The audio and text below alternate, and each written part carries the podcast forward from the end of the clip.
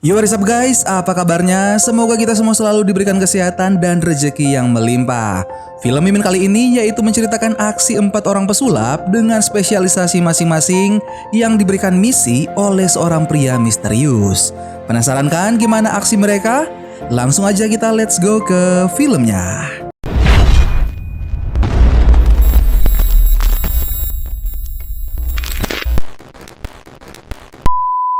Film diawali dengan menampilkan seorang laki-laki yang hebat bermain kartu. Laki-laki itu bernama Daniel. Suatu malam di kota Chicago, Daniel melakukan pertunjukan di hadapan seorang wanita. Terlihat dari wajah orang-orang, mereka tercengang dengan kemampuan sulap Daniel yang sangat fenomenal. Dalam pertunjukan singkat itu terdapat sosok misterius yang ikut menyaksikan aksi Daniel. Di tempat lain, yaitu kota New Orleans, terdapat seorang pria bernama Merit yang menghipnotis seorang wanita. Wanita itu pergi ke bandara bersama suaminya. Saat wanita itu terhipnotis, Merit menggunakan kesempatan itu untuk meraup uang dari suaminya. Merit bukan hanya memiliki kemampuan menghipnotis orang, tapi juga membaca pikiran mereka melalui gerakan tubuh. Merit mengetahui bahwa suami wanita itu berselingkuh dengan adik wanita itu sendiri. Merit mengancam akan memberitahu kebenaran pada wanita itu jika ia tak memberikan uang kepada Merit. Mau tak mau, pria itu mengikuti permintaan Merit demi rumah tangganya. Setelah menerima uang tersebut, Merit menyadarkan wanita itu dari hipnotisnya dan berkata seolah tak terjadi apa-apa di tempat itu. Ada sosok misterius juga yang memperhatikan Merit. Di sisi lain, di kota New York, tepatnya di atas kapal yang berlayar, terdapat Jack Wilder, si pencuri handal. Pertama-tama, ia melakukan pertunjukan sulap di depan para penumpang kapal. Jack berkata, jika ada seseorang yang berhasil menjelaskan bagaimana cara ia melakukan sulap, maka ia akan memberikannya 100 dolar. Maka datanglah penumpang yang menjelaskan cara bermainnya. Saat itulah Jack mencuri barang dan dompet si penumpang. Jack mengaku bahwa penjelasan penumpang itu benar, maka ia memberikan 100 dolar miliknya, lalu pergi begitu saja. Saat ia turun dari kapal, Jack berpapasan dengan sosok misterius itu lagi. Sedangkan si penumpang yang baru saja dirampok Jack menyadari itu dan menyuruh orang-orang untuk menangkap Jack, namun Jack sudah pergi. Di lain tempat, Los Angeles, terdapat seorang wanita bernama Henley yang mengadakan pertunjukan besar. Henley akan turun ke sebuah kotak besar berisi air, lalu memborgol dirinya sendiri untuk membuktikan kemampuannya melepaskan diri dari borgolan itu. Jika ia tak berhasil melakukan dalam waktu satu menit, maka ikan-ikan piranha yang ada di atasnya akan dilepaskan ke dalam kotak besar itu. Saat Henley memulai aksinya, ia terlihat kesulitan melepaskan borgol itu hingga ia pun meminta orang-orang untuk menyelamatkannya. Namun kaca itu tak bisa dipecahkan hingga waktu satu menit habis dan ikan-ikan pun dilepaskan. Henley yang tak sempat naik dari kotak itu pun menjadi makanan para piranha dan menyebabkan air berubah menjadi darah. Hal yang mengejutkan pun terjadi. Henley yang mereka kira sudah menjadi mangsa ikan piranha ternyata berada di tengah-tengah mereka. Itu adalah aksi yang sangat mencengangkan dan orang-orang bersorak atas keberhasilan aksi Henley dan aksi itu pun tak luput dari perhatian sosok misterius. Masing-masing dari mereka, Daniel, Merit, Jack, dan Henley mendapatkan kartu misterius yang mengundang mereka untuk datang ke suatu tempat yang sudah ditentukan. Scene pun berpindah menampilkan Henley yang pergi menuju tempat tersebut. Dalam perjalanannya, ia bertemu dengan Daniel. Mereka tampak sudah mengenal satu sama lain sebelumnya. Mereka juga bertemu dengan Merit yang sudah menunggu di depan pintu. Pintu ruangan itu terkunci dan mereka memutuskan untuk menunggu pemiliknya datang. Selagi menunggu, mereka terlibat dalam perbincangan singkat hingga akhirnya Jack pun datang. Mereka masing-masing menunjukkan kartu yang mereka dapatkan. Jack mendapatkan kartu kematian, Henley mendapatkan kartu pendeta wanita, Daniel mendapatkan kartu sang pencinta, dan Merit mendapatkan kartu pertapa. Jack yang tak ingin menunggu pun langsung membuka pintu itu dengan kemampuannya. Setelah pintu terbuka, mereka kemudian memasuki ruangan itu. Di tengah ruangan ada sepucuk surat yang bertuliskan jangan. Mereka juga menemukan sekuntum mawar dan Henley meletakkan mawar itu ke dalam vas. Kemudian air mengucur keluar dan menimbulkan munculnya gas. Di saat mereka semua kebingungan terhadap apa yang terjadi, Daniel mengotak-atik saklar lampu dan mereka berasumsi bahwa listrik di ruangan itu mati. Merit membuktikannya dengan memutar lampu gantung yang ada di dekatnya. Saat lampu itu menyala, muncul cahaya dari sisi dinding yang menciptakan cetak biru yang menakjubkan. Dan film Now You See Me 1 pun dimulai. Satu tahun kemudian di Las Vegas mereka berempat mengadakan pertunjukan besar yang mengundang banyak orang. Mereka dikenal dengan sebutan empat penunggang kuda. Di atas panggung Las Vegas mereka berempat akan melakukan hal menakjubkan yang tak pernah orang lain lakukan, yaitu merampok bank. Para penonton bersorak-sorai dan tak sabar melihat aksi empat penunggang kuda. Di sisi lain, terdapat seorang pria tua bernama Tadeus yang merekam acara mereka. Salah satu petugas memergokinya dan melarangnya untuk mengambil video. Petugas itu juga mengambil kamera Tadeus dan berjanji akan mengembalikannya setelah pertunjukan selesai. Namun, Tadeus tak menganggap peraturan itu ada dan ia kembali mengeluarkan kamera lainnya lalu tetap merekam pertunjukan. Dalam pertunjukan itu, Daniel bertanya siapa yang ingin banknya dirampok. Anehnya, para penonton berlomba untuk mengangkat tangan mereka. Daniel memutuskan untuk memilih secara acak. Merit, Jack, dan Henley mengambil bola pingpong bernomor lalu memberikannya pada Daniel. Dari ketiga bola pingpong itu didapatkan hasil B513. Seorang laki-laki yang duduk di kursi B513 pun berdiri. Daniel menyuruhnya untuk mengatakan namanya dan nama bank yang laki-laki itu gunakan. Laki-laki itu pun menjawab dan ia bernama Etienne Forger dan banknya adalah Credit Republicain de Paris. Daniel mengajak Etienne untuk naik ke atas panggung. Sebelum memulai aksi merampok, Daniel memperkenalkan kepada seluruh penonton seorang pria bernama Tuan Arthur Tressler yang merupakan orang di balik kesuksesan mereka berempat. Etienne kemudian naik ke atas panggung dan Jack memberikannya helm teleportasi. Helm itu akan membawanya mengarungi ruang dan waktu menuju banknya. Sebelum pergi, Daniel meminta Etienne untuk memilih sebuah kartu lalu menunjukkannya kepada orang-orang yang duduk di kursi B dan menuliskan namanya di atas kartu itu.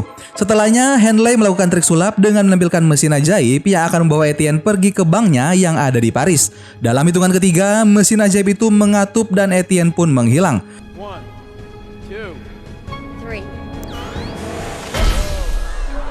Di sisi lain, menampilkan Etienne yang sudah berada di Paris, tepatnya di dalam berangkas sebuah bank yang ia sebutkan tadi, yaitu Bank Credit Republicain de Paris.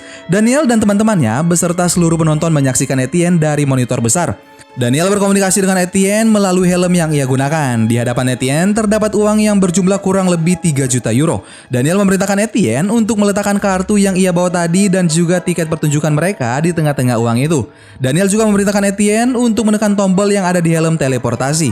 Tombol itu akan mengaktifkan saluran udara yang menghubungkan Paris dan Las Vegas. Setelah menekan tombol itu, uang jutaan euro yang ada di dalam berangkas terhisap melalui saluran udara dengan sangat cepat. Di sisi lain, terdapat para pegawai bank yang pergi menuju berangkas itu. Namun, saat mereka membuka pintu berangkas, mereka kehilangan seluruh uangnya yang hanya menyisakan kartu dan tiket yang tadinya diletakkan oleh Etienne. Di sisi lain, di panggung Las Vegas, mereka dihamburkan oleh jutaan uang. Para penonton bersorak-sorai setelah menyaksikan pertunjukan.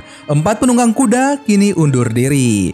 Scene kemudian berpindah menampilkan Dylan yang dipilih oleh tim kepolisian untuk menangkap para pesulap. Tak hanya tim kepolisian, tetapi tim FBI juga ikut turun tangan untuk menangkap keempat pesulap yang ada di satu apartemen. Keempat pesulap itu pun ditangkap oleh FBI, namun mereka masih sempat tersenyum menyapa para menggemar. Di sisi lain, menampilkan Dylan yang bertemu dengan seorang perempuan bernama Alma Dry. Alma mengaku bahwa dirinya ditugaskan untuk menyelidiki kasus pencurian ini bersama dengan Dylan. Dylan yang mendengar perkataan Alma menolaknya dengan berkata bahwa Alma tak berguna dan ia bisa melakukan penyelidikan ini sendirian lalu pergi meninggalkannya.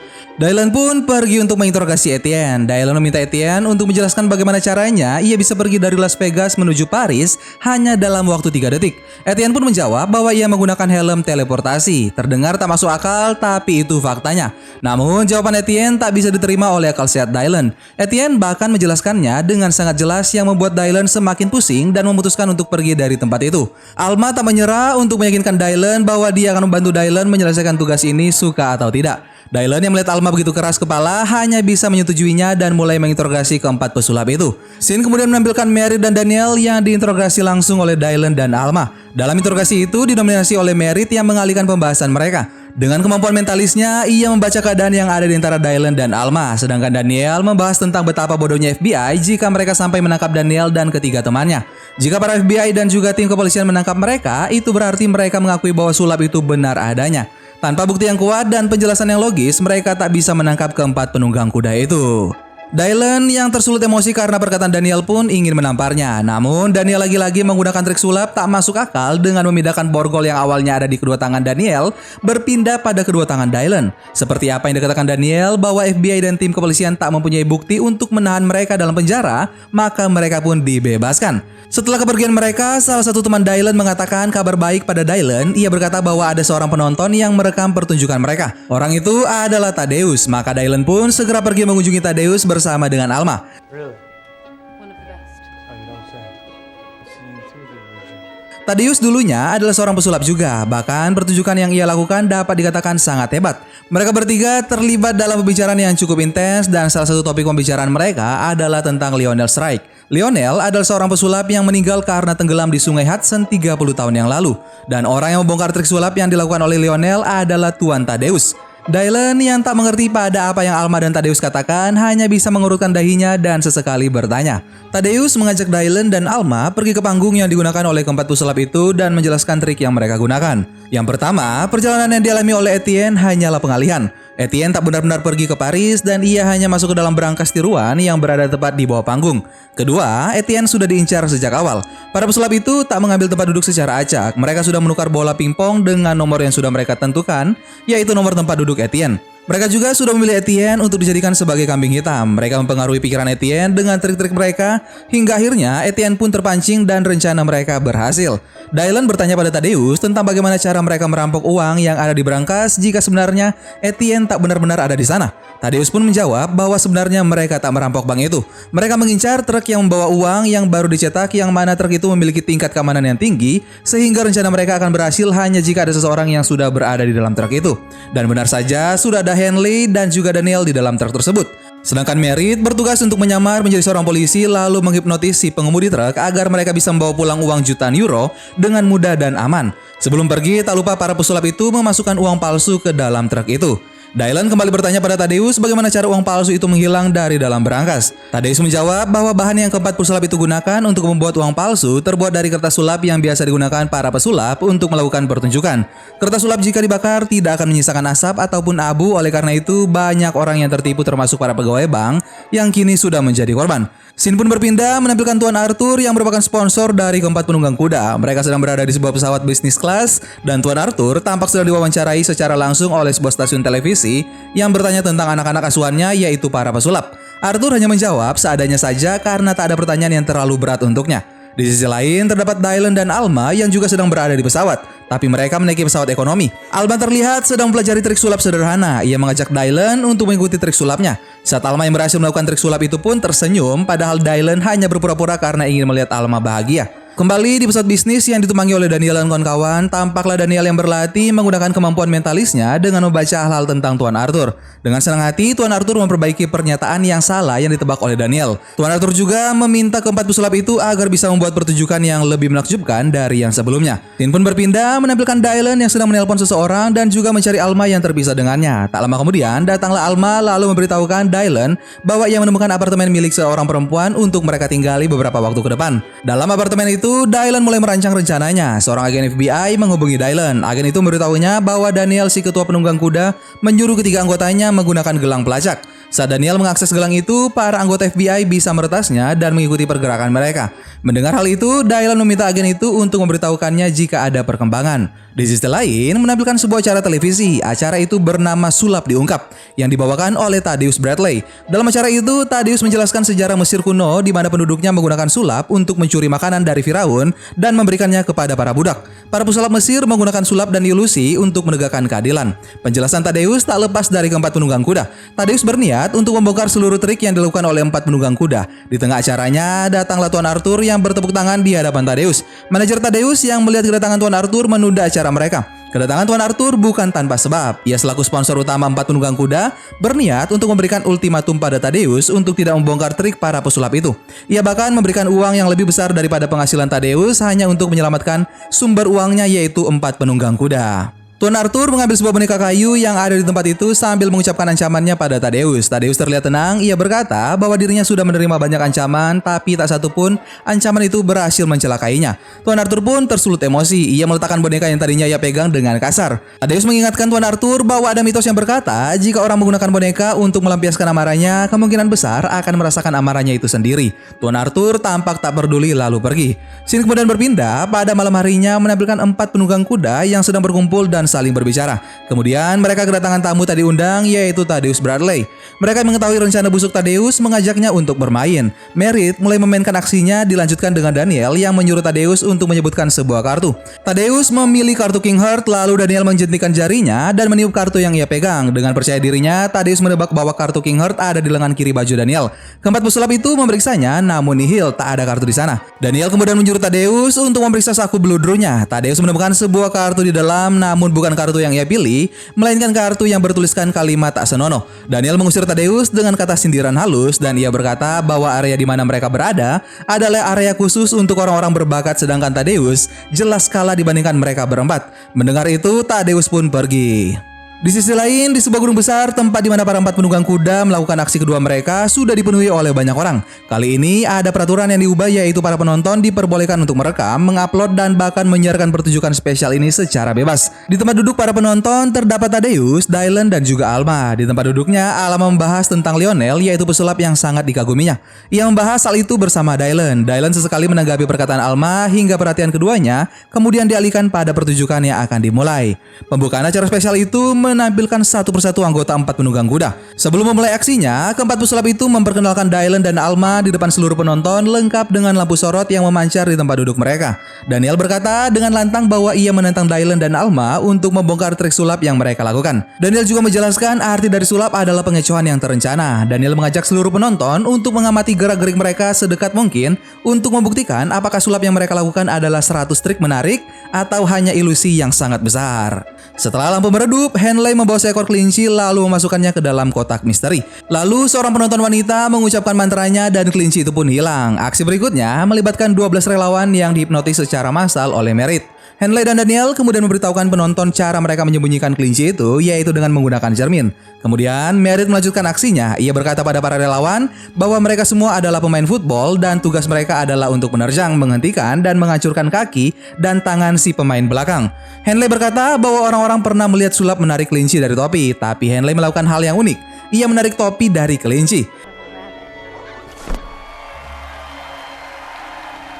Jack juga melakukan pertunjukan sulap lainnya. Ia bermain kartu terbang dengan mengarahkan kartu itu kepada dua orang yang memegang pensil. Lalu kedua belas relawan yang naik ke panggung dikembalikan ke tempat duduknya masing-masing. Merit akan menebak nama mereka masing-masing. Daniel meniup gelembung besar lalu masuklah Henley ke dalam gelembung itu dan terbang ke arah para penonton. Saat gelembung itu pecah, Daniel menangkap Henley dan para penonton pun bersorak. Merit meminta para penonton untuk menuliskan jumlah uang mereka di bank lalu memasukkannya ke dalam amplop. Setelah itu, Merit menyuruh mereka untuk mengeluarkan amplop itu dan meneriakkan nama masing-masing secara bersamaan. Merit memanggil nama penonton yang ia dengar. Ia meminta salah satu penonton yang bernama Josepa untuk memperhatikan jumlah uangnya lalu menghitung dari angka 1 sampai 10.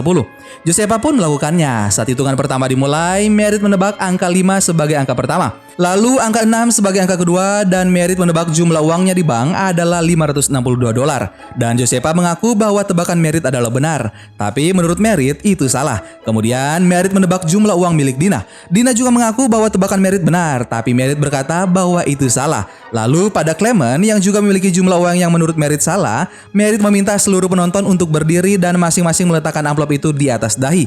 Namun lagi-lagi Merit berkata bahwa mereka semua salah menulis jumlah uang mereka.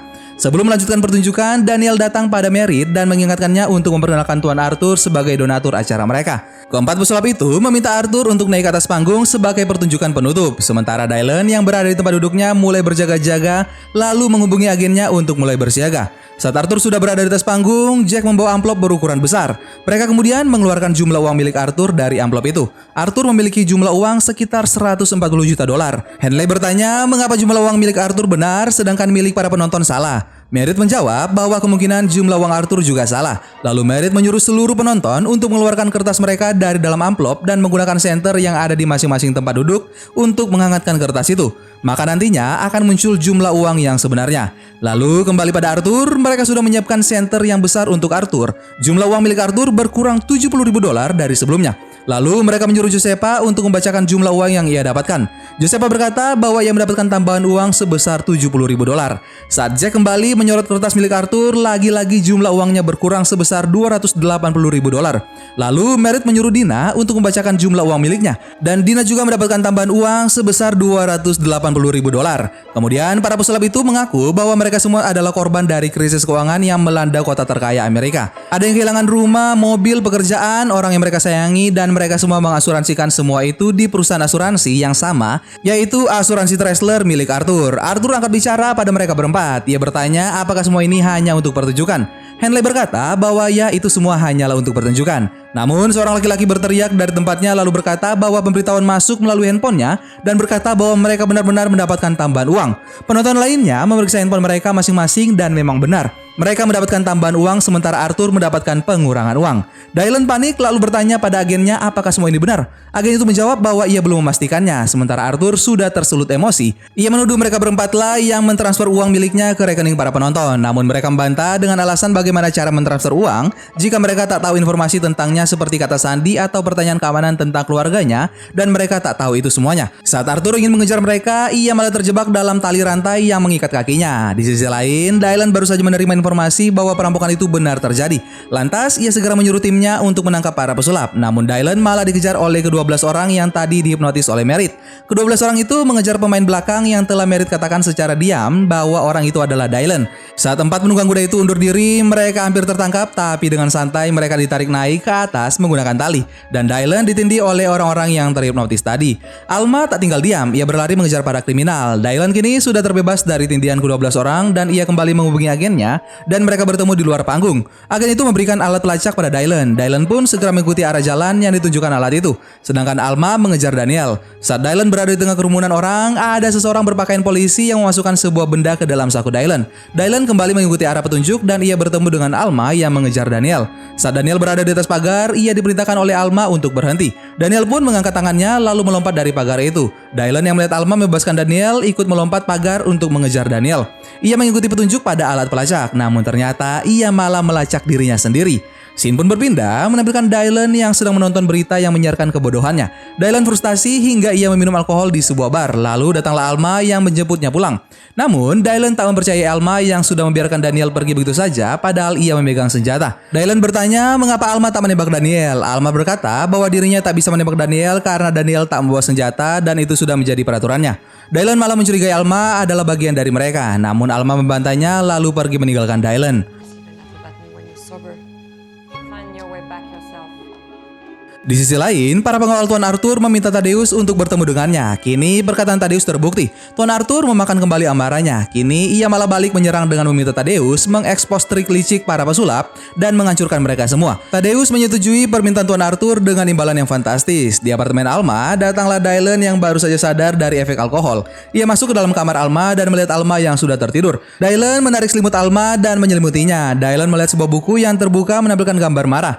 Saat Dylan membawa buku itu, tak lama kemudian datanglah Alma memergokinya. Mereka berbicara tentang hal-hal acak. Tak hanya itu, mereka juga terlihat tertarik satu sama lain. Saat mereka bertatapan, Alma kemudian membuang muka, begitu juga dengan Dylan. Beberapa saat mereka terjebak dalam perasaan canggung, namun perkataan Dylan selanjutnya mengubah suasana di antara mereka. Dylan berkata bahwa sepertinya mereka diawasi oleh seseorang. Scene kemudian berpindah menampilkan seorang wanita yang memeriksa benda yang dibawa oleh Dylan. Wanita itu berkata bahwa dalam benda itu terdapat penyadap. Penyadap itu memungkinkan seseorang mengetahui setiap panggilan dan SMS. Dylan kembali tersulut emosi. Ia frustasi menghadapi setiap rencana licik para pesulap. Dylan menyuruh bawahannya untuk memperlihatkan video interogasi Daniel. Dalam video itu, mereka melihat kecepatan tangan Daniel dalam mengambil lalu menukar handphonenya. Dylan memerintahkan wanita tadi untuk memasukkan kembali penyadap itu ke dalam handphonenya. Dylan berniat untuk kembali keadaan dengan menjebak keempat pesulap. Di sisi lain, saat para empat pesulap berkumpul, mereka dikepung oleh FBI dan tim kepolisian. Daniel melihat itu mengajak Henley dan Merritt untuk pergi, sedangkan Jack tetap menetap. Mereka pergi melewati jalan tersembunyi. Saat Dylan pergi mencari tempat para pesulap, Alma dicegat oleh seorang petugas. Petugas itu melarang Alma untuk mengikuti Dylan karena tak memiliki kewenangan. Alma berharap Dylan membelanya. Namun Dylan pergi tanpa memperdulikan Alma. Kepergian para pesulap tak luput dari pengawasan Tadeus yang bekerja menjadi kaki tangan Tuan Arthur. Di sisi lain, di sebuah ruangan menampilkan Jack yang sedang membakar beberapa kertas. Saat Dylan dan agennya memasuki ruangan itu, Jack langsung bersembunyi. Ia bergerak dengan sangat hati-hati lalu menutup mulut agen FBI dan memasukkan tangannya ke dalam wastafel yang menyebabkan tangannya terisap ke dalam. Dylan yang mendengar suara seseorang bersiap untuk menyerang, namun gerakan Dylan tak secepat Jack. Jack lebih dahulu menyerang lalu mengambil walkie-talkie dari tangan Dylan. Jack mengarahkan para tim kepolisian untuk pergi ke ruangan lain agar mereka tak menangkapnya. Dylan yang menyadari hal itu kemudian kembali menyerang Jack. Jack menggunakan beberapa trik sulap untuk menghindari dari serangan Dylan. Setelah itu, Jack keluar dan pergi melewati tempat pembuangan sampah yang diikuti oleh Dylan di belakangnya. Mereka terjatuh di antara sampah-sampah lalu Jack menginjak tubuh Dylan hingga terdengar suara krek kemudian pergi secepat mungkin agar tak tertangkap polisi. Alma yang hanya berdiam dalam mobil mendengar informasi dari seseorang. Ia segera pergi menggunakan mobil FBI tanpa izin. Sekeluarnya Jack dari tempat itu, ia berlagak seperti bukan siapa-siapa di depan para penjaga FBI, namun aktingnya itu tak bertahan lama. Para penjaga segera tersadar dan menyerang Jack. Jack pun balas menyerang hingga akhirnya ia meninggalkan mereka lalu pergi menggunakan mobil FBI. Dylan yang baru saja keluar berusaha mengejar Jack, namun kecepatannya kalah dibandingkan mobil FBI. Keberuntungan pun datang. Alma membawa mobil FBI lalu membukakan pintu untuk Dylan. Sebelum pergi, Alma memarahi Dylan karena tak membelanya. Alma menyuruh Dylan untuk berjanji ke depannya akan mempercayai Alma.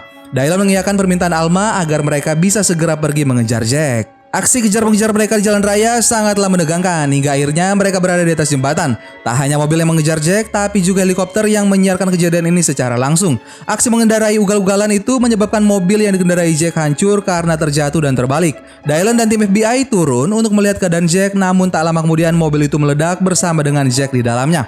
Kecelakaan ini disiarkan langsung melalui televisi. Ketika pesulap yang tersisa hanya menatap iba pada nasib salah satu temannya yang kini sudah meninggal dunia. Scene pun berpindah menampilkan agen FBI yang memberikan sebuah dokumen pada Dylan. Dokumen itu adalah dokumen yang mereka dapatkan dari dalam mobil Jack. Setelah itu ada orang yang menelpon. Orang itu adalah Tadeus. Tadeus mengatakan kata-kata yang mempengaruhi Dylan. Ia berkata bahwa Alma adalah orang di balik keberhasilan para pesulap. Ia meminta Dylan untuk berhati-hati padanya, namun Dylan tak sepenuhnya mempercayai perkataan Tadeus. Di sisi lain, menampilkan ketiga pesulap yang tersisa membuat sebuah video yang memberikan penjelasan pada penggemar bahwa mereka tak akan berhenti. Ini bukan hanya tentang pertunjukan, tetapi sebuah misi yang dari awal sudah mereka mulai dan harus mereka akhiri. Dylan dan timnya pergi menuju tempat di mana sebuah berangkas berada. Namun sesampainya di sana, mereka sudah kehilangan berangkasnya dan salah satu penjaga di situ bertingkah aneh seperti seseorang yang baru saja dihipnotis. Mereka kemudian mengejar sebuah truk yang membawa berangkas itu. Mereka memutuskan untuk mengawasi truk itu dari belakang. Scene pun berpindah menampilkan agen FBI yang memperlihatkan video para pesulap kepada Dylan dan seorang pria. Dari video tersebut, mereka mengetahui bahwa para pesulap itu akan menampilkan pertunjukan terakhir mereka malam ini. Pria tua itu menugaskan Dylan untuk segera pergi untuk mengawasi pertunjukan mereka. Tiba saatnya di mana semua orang berkumpul di tempat yang sudah ditentukan oleh para pesulap. Ribuan orang memenuhi tempat itu untuk menyaksikan pertunjukan terakhir para penunggang kuda. Di tempat lain, di mana para tim FBI memarkirkan truk berisi berangkas mengawasi setiap orang yang melewati tempat itu. Tepat saat seorang wanita yang membuka pintu belakang truk, tim FBI memergokinya. Bukan hanya seorang wanita, tetapi juga Tadeus yang berada di belakangnya. Kecurigaan Dylan terhadap Tadeus semakin menguat. Ia curiga bahwa Tadeuslah orang yang selama ini ada di belakang para pesulap. Namun Tadeus membantah. Ia berkata bahwa dirinya sama dengan tim FBI yang mengincar mereka bertiga. Tadeus meyakinkan Dylan dengan menyuruhnya untuk membuka isi berangkas tersebut untuk melihat bahwa para pesulap itu lagi-lagi berhasil membobol uang mereka. Dylan menyuruh timnya untuk membuka berangkas itu, namun yang keluar pertama kali adalah kain warna-warni. Lalu mereka membuka seluruh isi berangkas. Dylan menyuruh mereka untuk menjauh takut-takut adanya bom di dalam berangkas. Namun bukan bom yang meledak melainkan balon yang keluar. Tadeus berkata pada Dylan bahwa para pesulap itu berhasil membuat Dylan dan timnya menyelamatkan berangkas yang kosong sementara mereka membawa berangkas aslinya. Lagi-lagi pengalihan adalah kuncinya. Di sisi lain, pertunjukan para pesulap kini dimulai. Daniel membuka acara pertunjukan dengan menjelaskan apa itu sulap. Sulap artinya mengecoh, mengecoh yang dirancang untuk membahagiakan, menghibur, dan menginspirasi. Lalu dilanjutkan dengan penampilan Mary dan Henley. Mereka bertiga berada di dalam gedung, sementara para penonton berada di luar. Saat mereka melihat lampu sorot yang bercahaya di atas atap, maka segeralah mereka pergi menuju ke sana. Dylan yang ingin mengikuti jalan mereka tiba-tiba ditarik oleh Alma. Alma meminta Dylan untuk mempercayainya kali ini dengan pergi melalui jalan lain.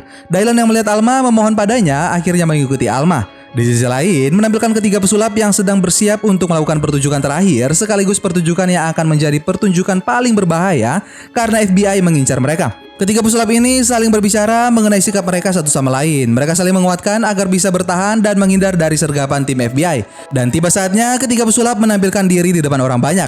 Tim FBI segera menyerang ketiga pesulap itu, tapi ternyata yang mereka lihat bukanlah manusia, melainkan manekin yang menyerupai ketiganya. Manusia yang sebenarnya berada di panggung lain. Cahaya terang yang keluar hanya digunakan untuk mengecoh tim FBI. Sedangkan Dylan dan Alma berhasil menemukan ruangan yang digunakan oleh ketiga pesulap itu untuk membuat video. Mereka berdua segera segera pergi menuju sumber suara. Sesampainya mereka di sana, Dylan berlari melewati kerumunan orang menuju panggung di mana ketiga pesulap itu mengucapkan pesan terakhir.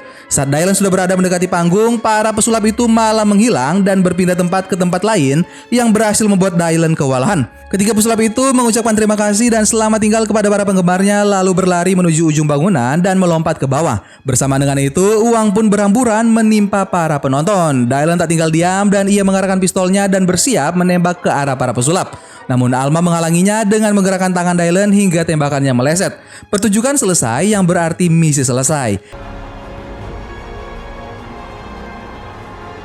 Dylan dan Alma berpisah. Setelah itu datanglah agen FBI yang merupakan teman Dylan yang membawa beberapa lembar uang yang ternyata bukan uang asli melainkan uang bergambarkan wajah keempat pesulap.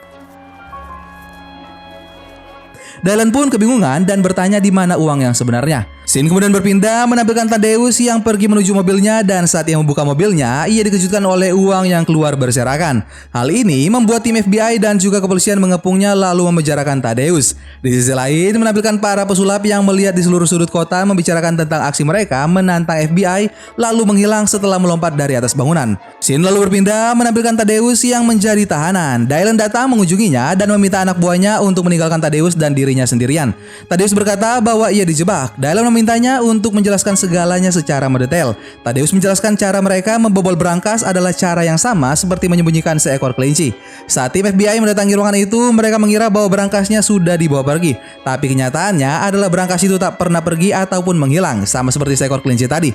Berangkas itu hanya disembunyikan. Ketika semua orang pergi untuk mengawasi berangkas berisi balon, saat itulah seseorang datang mengambil uang yang ada di berangkas. Orang itu adalah Jack Wilder. Dylan tentunya tak mempercayai perkataan Tadeus. Ia melihat melihat dengan mata dan kepalanya sendiri bahwa Jack meledak bersama dengan mobilnya di hadapannya dan seluruh anggota FBI.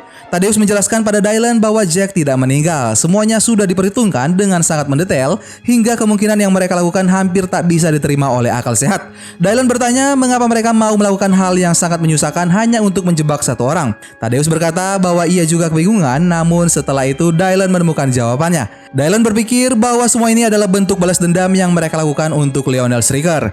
Di sisi lain, ketiga pesulap itu mendatangi sebuah tempat yang sayangnya sedang terkunci. Lalu datanglah Jack membukakan pagar itu. Mereka kemudian pergi menuju sebuah pohon yang bernama pohon Lionel Striker. Mereka kemudian menyatukan kartu yang mereka miliki yang kemudian berubah menjadi bentuk mata sebelah. Henley menggeseknya pada kartu yang tertempel di pohon itu lalu lampu-lampu mulai bercahaya dan komedi putar yang mulai bergerak. Scene kemudian berpindah pada Tadeus dan Dylan. Dylan yang melihat ketidaktulusan dalam diri Tadeus berkata bahwa Tadeus adalah seorang pesulap yang ingin bergabung dalam kelompok Sang Mata. Tapi ia tak pernah diundang. Oleh karena itu, Tadeus ingin menghancurkan keempat pesulap itu untuk membuktikan bahwa dirinya lebih hebat. Tapi yang terjadi adalah sebaliknya.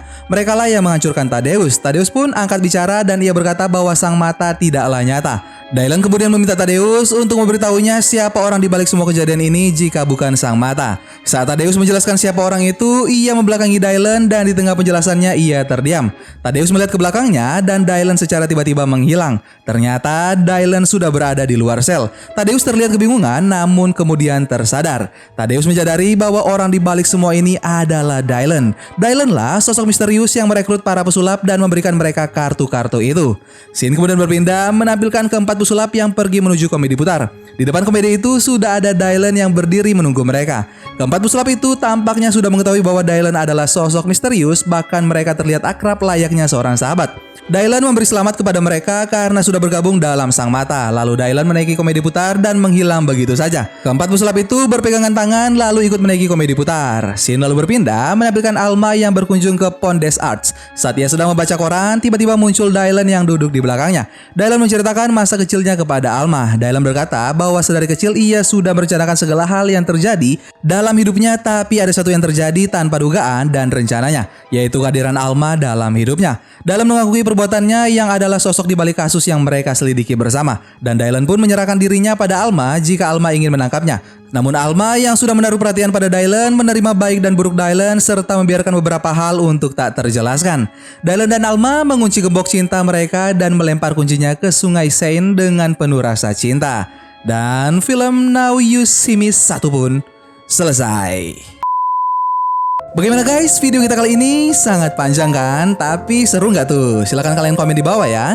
Terima kasih banyak buat kalian yang sudah nonton sampai akhir. Sampai ketemu lagi bareng Mimin Guanteng di video-video selanjutnya. Dan jangan menunggu bisa baru melakukan. Tapi lakukanlah kamu pasti bisa. Dadah.